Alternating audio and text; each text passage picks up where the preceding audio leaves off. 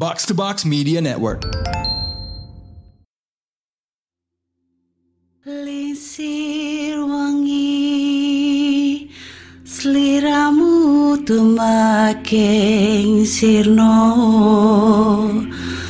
Ojo tangingkan guling Awas jok ngetoro wingo wingo Jin setan kang tak utusi Dudio sembarang Wojo layu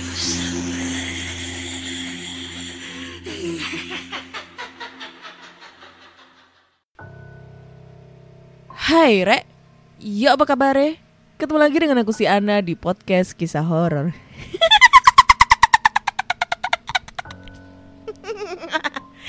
Kita bertemu di episode 280 berapa ini? 284 dan di episode kali ini akan bacakan cerita horor ataupun email berhantu yang sudah dikirimkan teman-teman melalui podcast kisah horor at gmail.com atau di Instagram podcast kisah horor serta Google Form yang lainnya tersedia di bio Instagram podcast kisah horor. Yeah. Sampai episode itu lupa loh ya episode berapa. oh, jarang. Update enggak update enggak update enggak sampai lupa ya. Aduh ya gitu deh. Hmm. jadi nggak berasa ya kurang sekitar 16 episode lagi udah memasuki episode 300 coy. 300 ya kayaknya kalau sampai episode 300 itu mungkin pas ke empat tahunnya PKH ya itu uh, apa namanya pas 300 atau bahkan 300 lebih kayaknya ya. Sebenarnya aku mau bikin giveaway. Tapi lepas itu pas apa ya? Oh setelah lebaran coy Empat tahunnya setelah lebaran Ya nanti lihat aja lah nanti gimana Nanti kita merayakan di uh, ulang tahun PKH yang keempat Kita mau ngadain giveaway model apa nih ya Challenge model apa nih Jadi tungguin aja ya Hah. Jadi langsung uh, kita bacakan cerita horor yang udah masuk di Google Form ya. Aku jarang banget bacain cerita di Google Form, selalu email terus karena numpuk banyak. Dan ternyata di Google Form itu juga banyak yang numpuk. Waduh, wadidaw. Nah, oke. Okay. Dan cerita pertama ini dari P, nama samaran, gendernya dia separuh-separuh. Banci dong. Oke. Okay. Uh, eh, di sini judulnya adalah Ibu Devi Malang gitu. Hai Kak Ana. Aku udah lama nih dengerin podcast Kakak. Pengen banget share cerita ini dari lama tapi aku ragu. Takut dan banyak pertimbangan. Kak, sebelum cerita, tolong samarin uh, nama aku dan identitas aku ya. Jujur, aku takut sih mau share cerita ini. Oke, first of all, namaku P ya. Aku tinggal di kota JB, kecamatan K, desa D. Waktu itu, satu desa gempar dengan hilangnya ibu salah satu teman aku. Kita panggil saja temanku ini namanya Devi ya. Aku ceritain dulu ya kak, background keluarga temanku ini. Devi ini dari keluarga yang berada bahkan terpandang dan pu dan punya banyak koneksi kak. Keluarga dia punya banyak rumah untuk disewakan baik itu di kos-kosan ataupun yang bentuknya kontrakan. Bahkan saking kayanya jika dikompar dengan perkotaan di ibu kota, bisa jadi satu RW itu adalah kontrakan dan kos-kosan milik keluarga Devi. Ayah Devi sudah tua dan ibunya pun sama. Namun berbeda dengan ayahnya. Ibunya Devi lebih sering sakit-sakitan. Yang saya tahu dia sakit komplikasi. Yang paling parahnya adalah diabetes. Bahkan sampai kakinya ini diamputasi sampai sedengkul atau sebetis saya lupa. Ayahnya Devi memang sudah tua namun masih terlihat bugar. Berbeda dengan kondisi ibunya. Ibu Devi sering mengeluh akan sakitnya, bahkan kerap kali sesumbar ingin mati saja. Mungkin karena tidak kuat dengan sakit yang dideritanya dan ngedown karena kakinya sudah diamputasi. As the we know ya kak, kalau orang sudah diamputasi pasti malahan gulanya ini makin parah. Mungkin karena dia psikisnya itu jadi makin ngedown yang biasanya aktivitas ke sana kemari itu jadi nggak bisa. Lalu satu desa juga sudah tahu kalau ayahnya Devi ini tuh main belakang dari ibunya Devi. Terus jadi kayak rahasia umum gitu. Singkat ceritanya ibunya Devi ini hilang. Di malam pertama ibunya ibunya ini hilang, Devi sangat terpukul kak dia nggak bisa habis pikir eh sorry dia nggak habis pikir dengan kondisi ibunya yang sudah tidak bisa berjalan lagi. Ibunya pergi ke mana sih?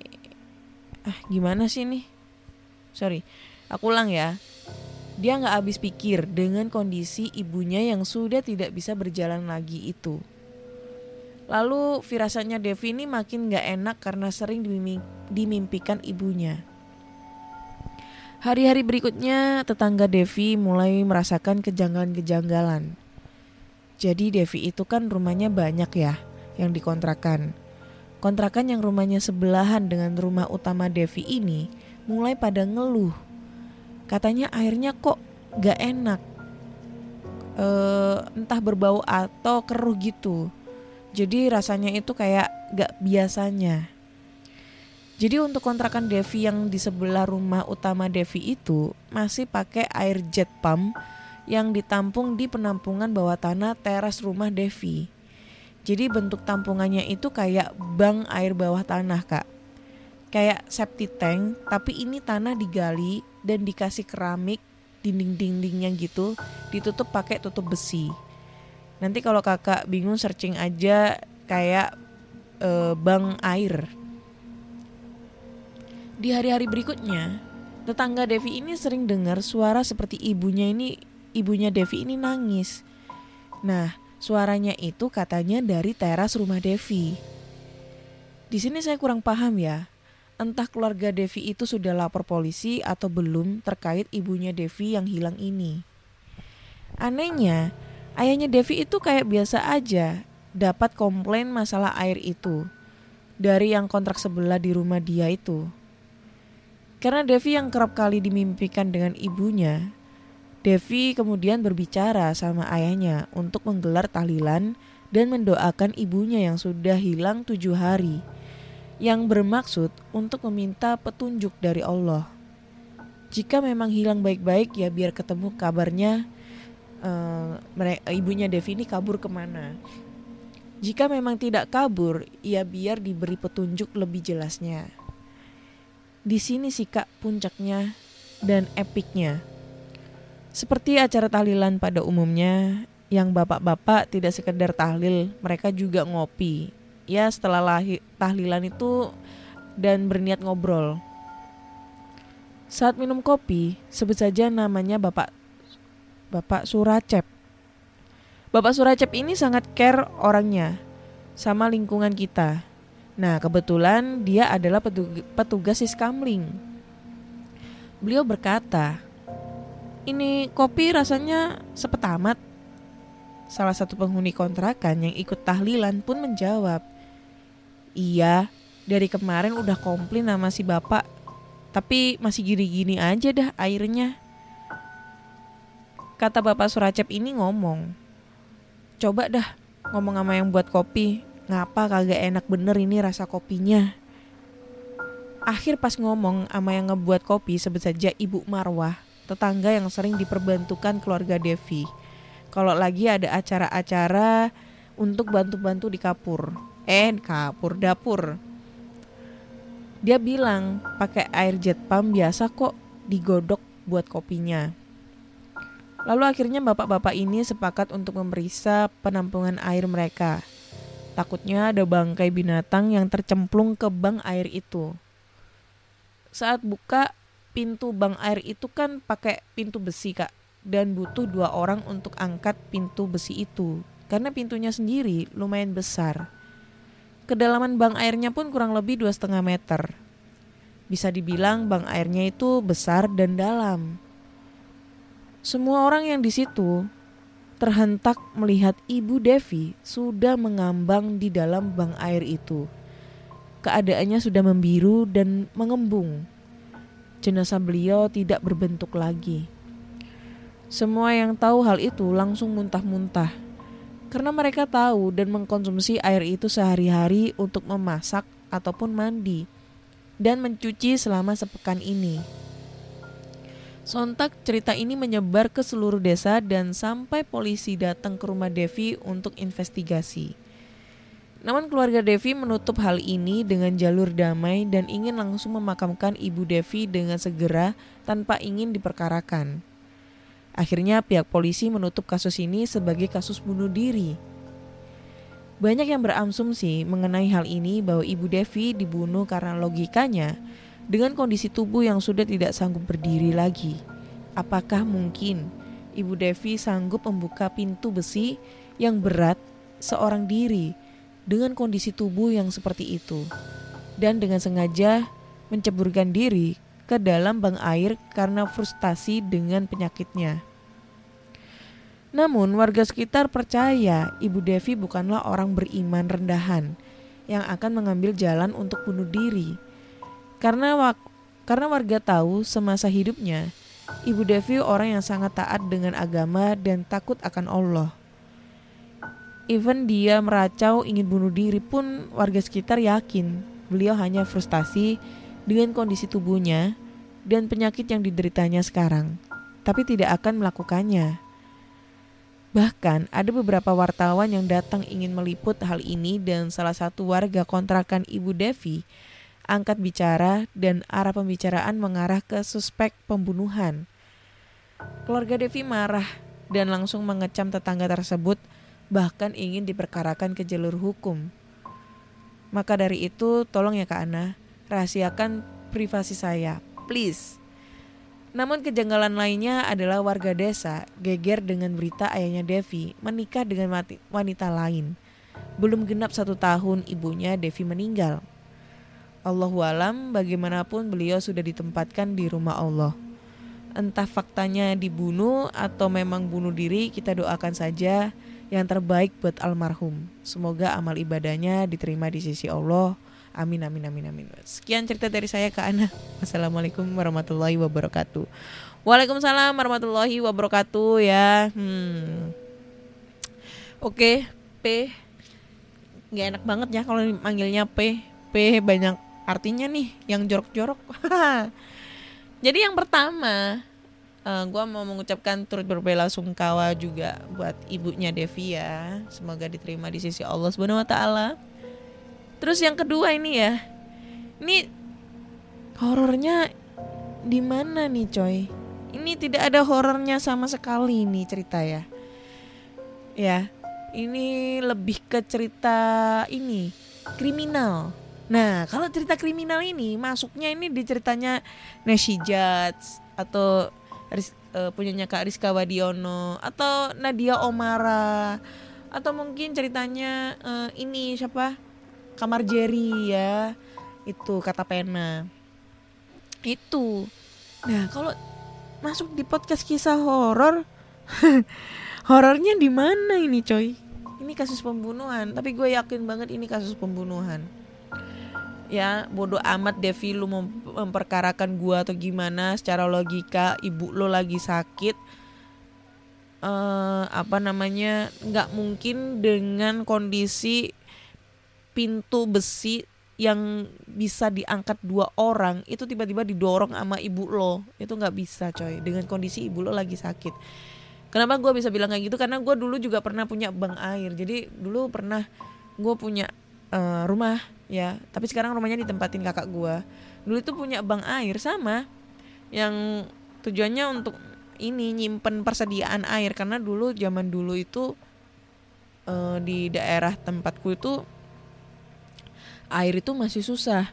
Jadi biasanya tetangga-tetangga itu masih pakai ini gerobak air gitu buat beli air. Nah biasanya uh, mamaku dulu itu bapakku dulu itu bisnisnya jual air gitu zaman dulu ya. Nah itu emang tandonnya tandon kita bilangnya tuh tandon. Tandonnya tuh emang besar banget biar bisa dibuat renang. Walaupun kolam renangnya tertutup tuh. Kalau ditutup itu pakai eh, besi itu mati kita semua ya nggak bisa ngangkat. Apalagi dengan kondisi ibunya Devi itu yang eh badannya ini tidak mungkin untuk mengangkat pintu itu sendirian gitu. Ya. Tapi ya nggak tahu sih ya eh, hanya keluarganya aja sih yang tahu gimana gimananya tapi semoga eh, amal ibadahnya beliau diterima di sisi Allah ya. Dan lagi nih pe. Ini bukan cerita horor nggak ada horornya ini.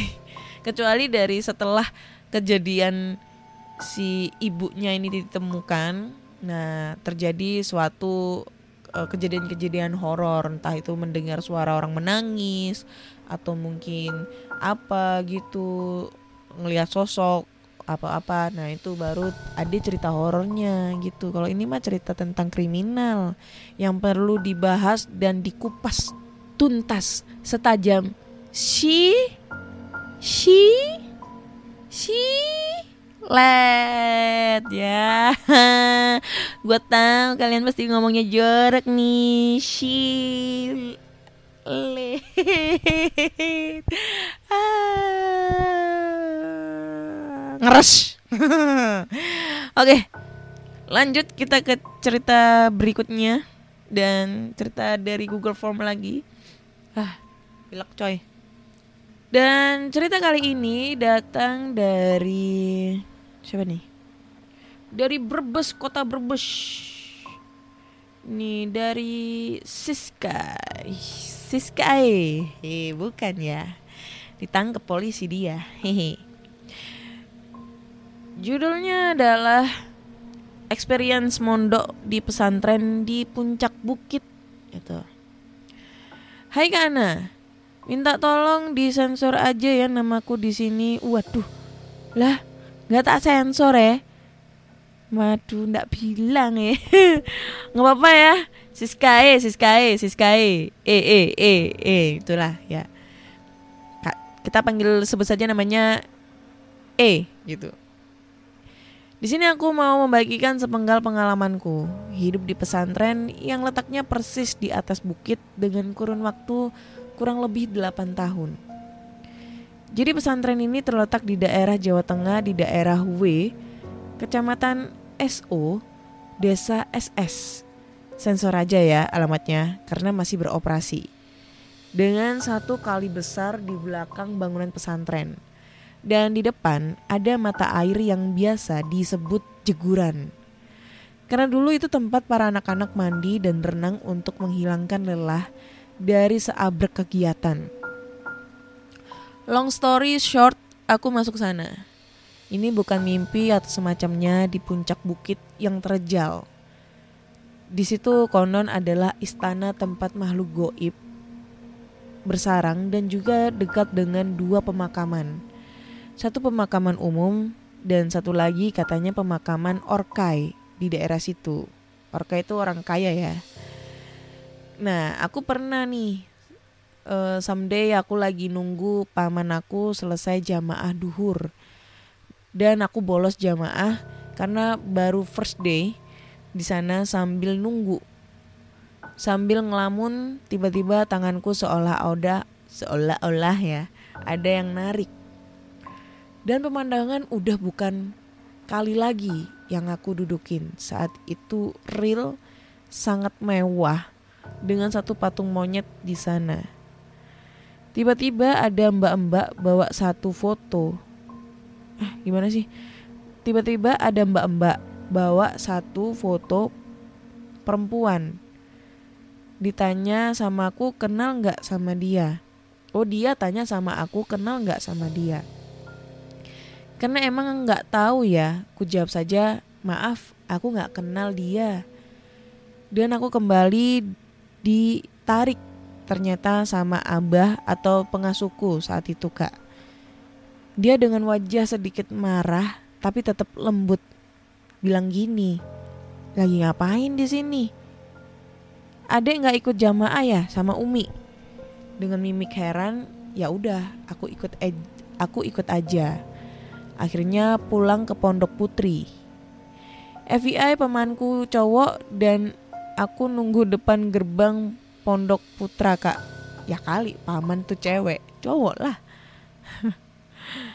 Dan 4 tahun berselang kejadian itu aku yang udah lama nggak inget-inget lagi masuklah masa masa didik baru dan banyak santri baru masuk.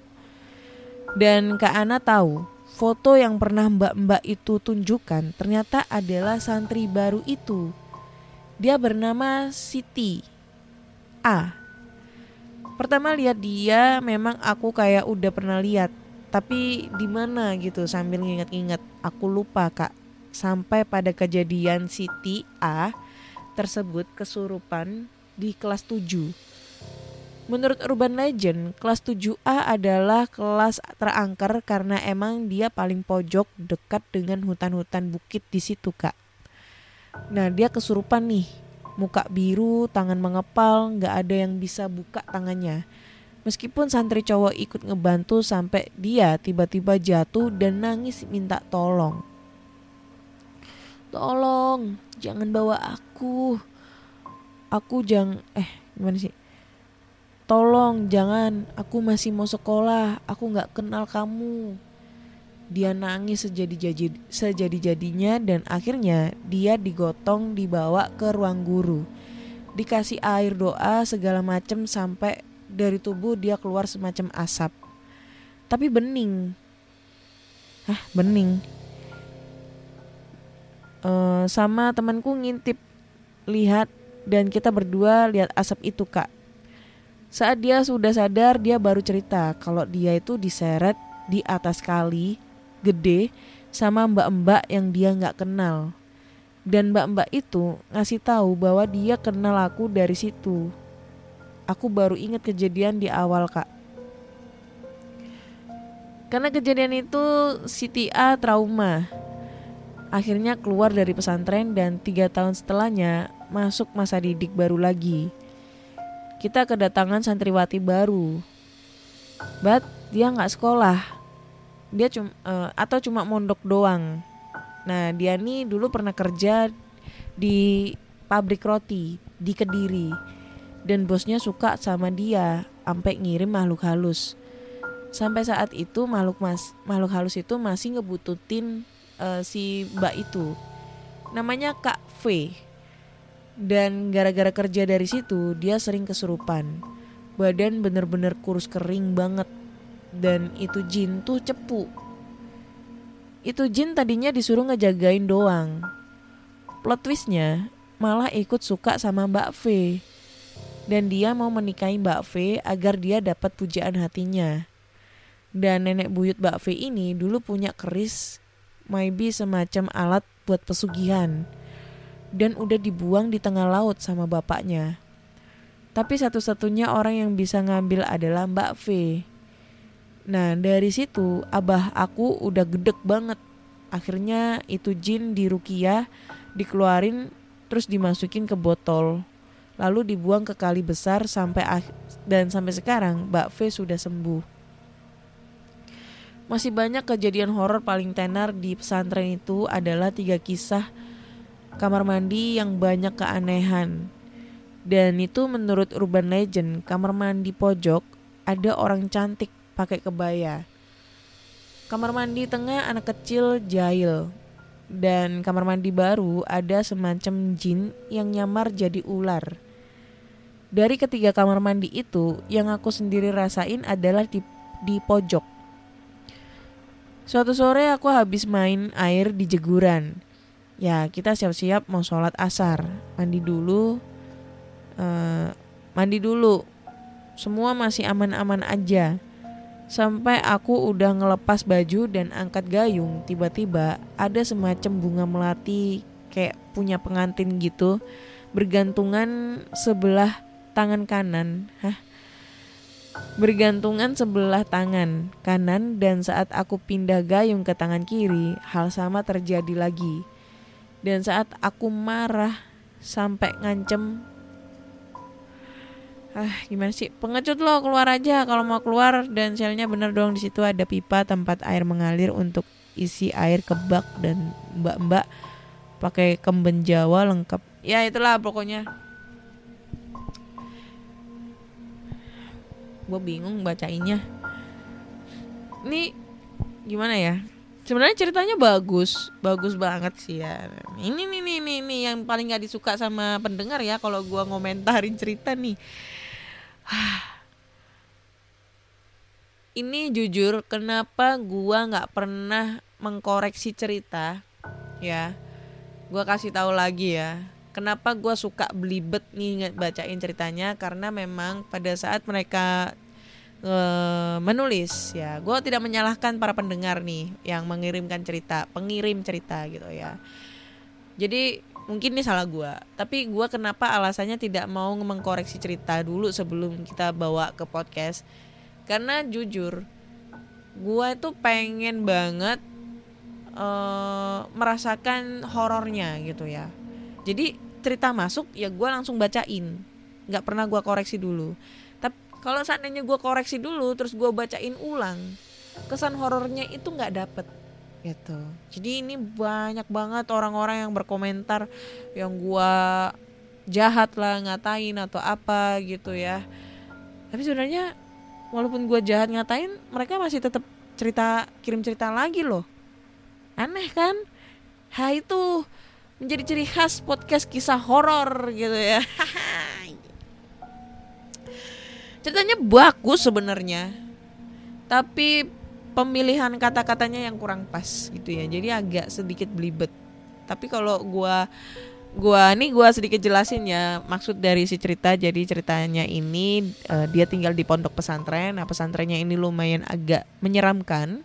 Yang pertama ini cerita dari si pencerita dia di ngelamun terus tiba-tiba dia ketemu sosok wanita kemudian si wanita ini kayak ngasih tunjuk kenal nih cewek enggak gitu kan. Terus si pencerita bilang enggak nggak kenal gitu. Nah udah bilang nggak kenal tiba-tiba ditarik nih sama abahnya. Atau biasa dibilang gu gurunya ya guru di pondok pesantren tuh. Ngapain kamu di sini? Nggak jamaah ya? Gitu. Dimarahin. Terus cerita kedua itu Hmm, jadi ternyata yang dia lihat di foto di beberapa tahun berikutnya itu ternyata adalah siswa baru yang masuk di pesantren gitu. Jadi kayak ibaratnya ada pandangan masa depan tuh ya, wanjay pandangan masa depan. Masuk ke pesantren, terus pas masuk itu namanya sama nih Siti sama sama kayak gua gitu kan. Itu dia kayak mimpi kesurupan. Kesurupannya itu kayak ditarik-tarik sama sosok perempuan dan ternyata sosok perempuan ini yang pernah ditemuin si A sebelumnya. Eh si pencerita nih sebelumnya gitu. Terus cerita berikutnya itu cerita horor di kamar mandi gitu. Intinya kayak gitu. Kamar mandi yang ada di pesantren. Gitu guys. Ini sepenggal ya sebenarnya bagus ceritanya cuma mungkin kesalahan gue gue gak pernah mengkoreksi cerita. Karena jujur kalau gue bacain lagi untuk kedua kalinya seremnya nggak dapet gitu. Jadi gue gak bisa kayak senatural mungkin untuk mengomentarin ceritanya. Tapi terbesit itu gue juga sangat-sangat turut berbela sungkawa ya dengan kejadian baru-baru ini. Pondok pesantren lagi uh, ada apa itu santri yang meninggal di pondok pesantren di Kediri dianiaya sama seniornya gitu ya. Aduh, sangat miris sekali ya. Padahal itu pondok pesantren loh. Kok sampai segitunya gitu loh. Apa sih yang dipikirkan orang-orang itu? Gue sebenarnya kayak nggak ngerti gitu loh. Pondok pesantren. Ya, kalau gue dibilang senioritas gue pernah mengalami halnya namanya senioritas. Karena gue dulu uh, pendidikannya di akademi pelayaran ya. Jadi gue pernah merasakan yang namanya senioritas. Cuma kalau sampai kalau hal yang di pelayaran akademi pelayaran apa tentara segala macam gue masih memaklumi nih tapi ini masalahnya pondok pesantren. Sampai disiksa yang tujuannya kita itu sekolah di sana terus menimba ilmu agama memperdalam agama. Kok sampai disiksa kayak gitu kan berarti kebacot kan lo ya. Ya itulah pokoknya. Udahlah jauh-jauhin kata-kata senioritas deh. Nggak usah sok-sokan. Apalagi yang tidur kalau biasanya kita kuliah-kuliah kayak gitu atau mondok-mondok itu kan otomatis kita tidur di asrama ya. Udah nggak usah kayak gitu-gituan. Yang rugi ntar lu sendiri. Lu udah ngebunuh orang terus lu masuk penjara bikin malu keluarga. Nah itu. Udah. Nggak usah kayak gitu lagi guys. Aduh miris. Gue punya ponakan masuk di pondok juga di kediri di Lirboyo sampai gua wanti-wanti dia gitu loh. Nggak usah yang namanya nyiksa-nyiksa anak orang gitu. Ntar yang ntar yang rugi lu sendiri. Percuma lu lu mondok lu memperdalam agama tapi lu nyiksa anak orang sampai meninggal itu dosanya jauh lebih lebih berkali-kali lipat. Ah nggak berkali-kali lipat beribu-ribu kali lipat itu udah nggak usah deh. Ya serem nggak kurang kurang gitu ya. Jadi langsung deh kita ke cerita berikutnya ya cerita terakhir nih. Ya mudah-mudahan cerita terakhir ini serem gitu ya. Oke. Cerita terakhir ini wah ini lumayan nih kayaknya. Berjudul kemasukan tujuh anggota keluarga setan. Wanjai, tujuh anggota keluarga setan kerasukan nih ya. Halo Ana, perkenalkan nama saya Jimmy. Ini cerita saya pertama kali mengalami kejadian yang cukup seram bagi saya. Kejadian ini saya alami waktu saya masih tinggal di rumah orang tua saya di Kuitang, Senen, Jakarta Pusat. Waktu itu kejadiannya setelah maghrib tanggal 28 Februari tahun 98. Wah, SD saya itu. Adik saya yang perempuan habis telepon di dekat masjid. Jaraknya sekitar 200 meter dari rumah.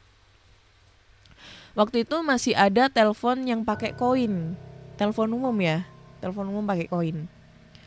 Setelah selesai teleponan mungkin sama temen atau gebetannya, dia balik ke rumah.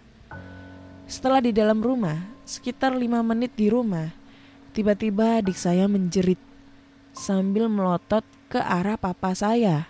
Yang kebetulan waktu itu kita semua ada di rumah. Oh ya, rumah saya ada dua lantai. Dan semua itu ada di bawah, nonton TV.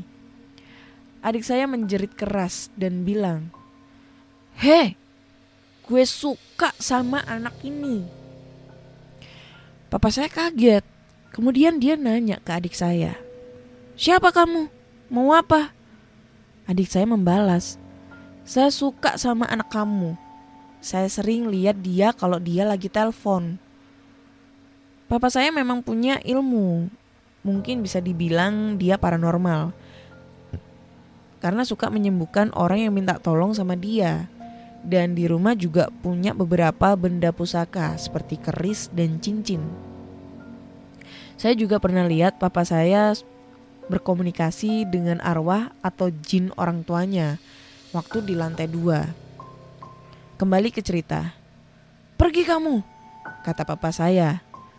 Adik saya menjawab, gak mau, saya suka anak kamu. Akhirnya papa saya membaca mantra dan mengangkat kedua tangannya seperti lagi adu ilmu dengan adik saya. Waktu kejadian itu saya dan mama saya sampai ketakutan. Tapi kita percaya kalau papa saya bisa mengusir makhluk itu dari tubuh adik saya. Setelah pertarungan seperti adu ilmu itu berlangsung, tiba-tiba papa saya menurunkan kedua tangannya, seperti mendorong ke bawah ke arah lantai. Setelah itu saya melihat adik saya lemes. Saya pegang adik saya supaya tidak jatuh. Kemudian papa saya bilang bahwa dia sudah mengusir setan itu dan memasukkannya ke dalam tanah. Boh, avatar. Belum lama setelah papa saya mengusir setan itu, tiba-tiba adik saya menjerit lagi dan berbicara. Hei, di mana adik saya? Ternyata yang memasuki tubuh adik saya itu kakaknya setan yang tadi dimasukin ke tanah oleh papa saya. Mana nih? Oh, kembali papa saya mengangkat tangannya dan kemudian mendorongnya lagi ke dalam tanah. Setelah itu adik saya lemes lagi. Tiba-tiba setelah kejadian itu kembali berteriak adik saya. Dan ternyata yang masuk adalah ayahnya setan tadi. Wanjai, satu keluarga. Sama seperti yang tadi dia menanyakan anaknya. Kembali papa saya mengusir setan itu dan mendorongnya ke dalam tanah. Habis itu datang lagi ibunya, adiknya, dan sama seperti sebelumnya, papa saya mengusir setan-setan itu dengan mendorongnya ke dalam tanah. Setelah kami pikir selesai kejadiannya, tiba-tiba masuklah setan neneknya. Di sini papa saya kewalahan menghadapinya. Saya yang melihat papa saya udah kecapean menghadapi setan nenek ini, mengambil salib yang ada di tembok karena keluarga Kristen waktu itu. Kemudian eh, saya tempelkan salib tersebut ke jidat adik saya sambil saya teriak, "Pergi sana! Jangan ganggu adik saya!" Si nenek menjawab, "Panas, panas, ampun!" Saya semakin keras menekan salib itu ke jidat adik saya sampai akhirnya papa saya bisa mendorong arwah nenek tersebut ke dalam tanah. Nah, kejadian yang paling serem adalah ketika adik saya udah lemes dibaringkan ke dibaringkan di bawah. Kalau nggak salah sekitar lima menit dia tidur tiba-tiba matanya melotot ke arah atas dan berkata, Hai Yopi. Eh salah, Yopi. Nama papa saya. Cepat kamu tarik kembali roh anak kamu. Dia dibawa sama kakek-kakek ke alam lain. Di situlah kami semua kaget. Kemudian papa saya bertanya ke adik saya Siapa kamu? Kemudian adik saya menjawab Saya malaikat. Saya kasih tahu kamu supaya anak kamu bisa selamat Kemudian papa saya mengangkat kedua tangannya seperti lagi menarik sesuatu. Kejadian itu berlangsung selama 10 menitan. Akhirnya roh adik saya berhasil ditarik kembali ke dalam badannya. Setelah masuk, tiba-tiba adik saya kembali teriak dan berkata, Ke mana keluarga saya semua? Saya bunuh kalian semua. Saya ini kakeknya mereka. Ternyata kakek ini mempunyai ilmu yang lebih tinggi. Hingga papa saya kelelahan menghadapinya. Kemudian mama saya memanggil teman papa saya yang tidak jauh dari rumah. Dan kemudian beradu ilmu dengan setan kakek itu. Dan kemudian berhasil mengusirnya. Singkat cerita kejadian itu berlangsung dari pertama kali adik saya kemasukan jam setengah tujuh malam sampai jam 10 jam 10 malam. Setelah semuanya sudah selesai dan teman papa saya pulang, karena waktu sudah menunjukkan jam 11 malam. Saya mengantuk dan bilang ke papa saya mau tidur di atas. Tapi papa saya bilang, jangan ke atas dulu, soalnya udah ada yang menunggu di sana. Saya langsung takut dan gak jadi naik ke atas. Alhasil kami semua tidur di bawah sampai besok pagi. Sekian cerita dari saya dan ini adalah cerita nyata pertama kali saya alami dan sampai sekarang saya masih ingat kejadian itu. Terima kasih sudah dibacakan cerita saya. Semoga podcast kisah horor semakin maju. Amin. Nanti saya akan berceritakan lagi beberapa kejadian serem yang saya alami.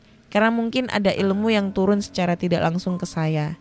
Jadi kadang bisa merasakan makhluk halus. Oke, thank you ceritanya Kak Jimmy ini gue bisa membayangkan ya ini sebenarnya ceritanya kalau gue baca tuh agak lucu gitu ya. Satu keluarga ini coy.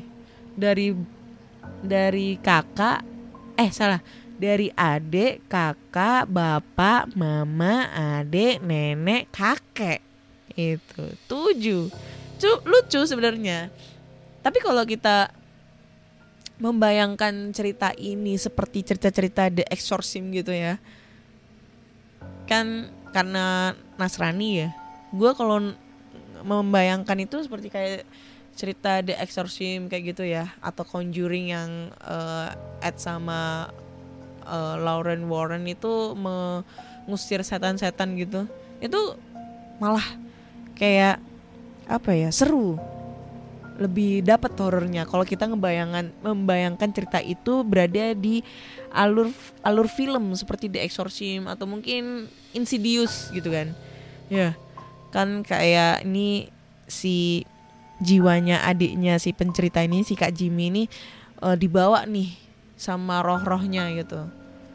Nah itu seru. Tapi kalau kita ngebayanginnya secara nalar secara logi uh, secara spontan gitu itu lucu. Spontan uhui gitu ya.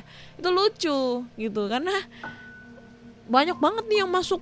Dari kakak adik eh adik kakak bapak mama adik kakek nenek itu kayak ber, ber, apa ya berurutan alurnya.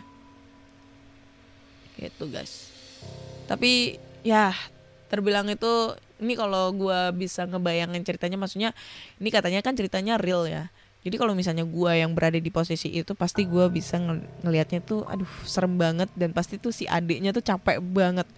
Dan itu di tahun 98, bayangkan 98 itu zaman-zaman reformasi.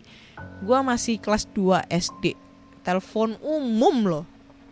Dulu telepon umum itu ada dua, ada dua. Pakai koin. Koin 50 perak sama 100 bulat yang gambar wayang. Yang 50 peraknya tuh gambar burung cendrawasih itu yang warna putih kalau kalian masih ingat sama pakai kartu dulu itu. Kartu yang kita isi saldo gitu. Nah itu. Wah udah nggak ada saya telepon umum sekarang. Bahkan telepon rumah itu udah jarang sekali ter udah jarang sekali orang punya. Kalau zaman dulu tuh telepon rumah itu banyak. Sekarang itu udah apa-apa pakai handphone. Jadi telepon rumah itu kayak udah jarang banget gitu terkecuali perkantoran gitu ya. Wah, serem-serem. Oke deh, kayaknya cukup sekian dulu cerita kali ini. So buat teman-teman semua kalau kalian punya cerita horor-horor nih yang sama seperti mereka yang sudah mengirimkan cerita-ceritanya di podcast kisah horor, kalian bisa langsung aja kirim ceritanya melalui podcast kisah horor at gmail.com atau di Instagram atau Google Form yang linknya tersedia di bio Instagram podcast kisah horor. Jangan lupa dengerin podcast kisah horor di Spotify, Google Podcast, Apple Podcast, Noise dan semua platform podcast kesayangan kalian. Jangan lupa juga komentar kalian ditunggu nih di Spotify atau di Noise. Subscribe podcast kisah horor di Noise dan follow podcast kisah horor di Spotify. Jangan lupa kasih rating bintang 5 untuk podcast kisah horor di Spotify. Akhirnya saya Ana undur diri dan terima kasih sudah mendengarkan podcast kisah horor. Bye bye.